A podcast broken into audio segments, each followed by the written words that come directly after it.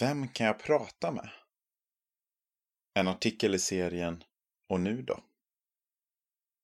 När livet är svårt är det viktigt att inte gå ensam med sina tankar och känslor. Här kommer några tips på vart du kan vända dig. En kompis. Dina vänner bryr sig om dig. Ibland är man rädd för att vara i vägen eller göra andra människor oroliga. Men vänd på det. Om någon av dina kompisar kom till dig och berättade något jobbigt skulle du förmodligen lyssna och vilja hjälpa till. En vuxen.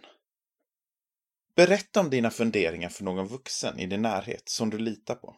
Till exempel en förälder, mormor, kompisens föräldrar eller kyrkans ungdomsledare. Eller kanske har du ett särskilt stort förtroende för din fotbollstränare, körledare eller någon av dina lärare i skolan. En kurator. Alla skolor ska ha tillgång till bland annat skolsköterska och kurator. De kan du vända dig till både för att få stöd och för vägledning.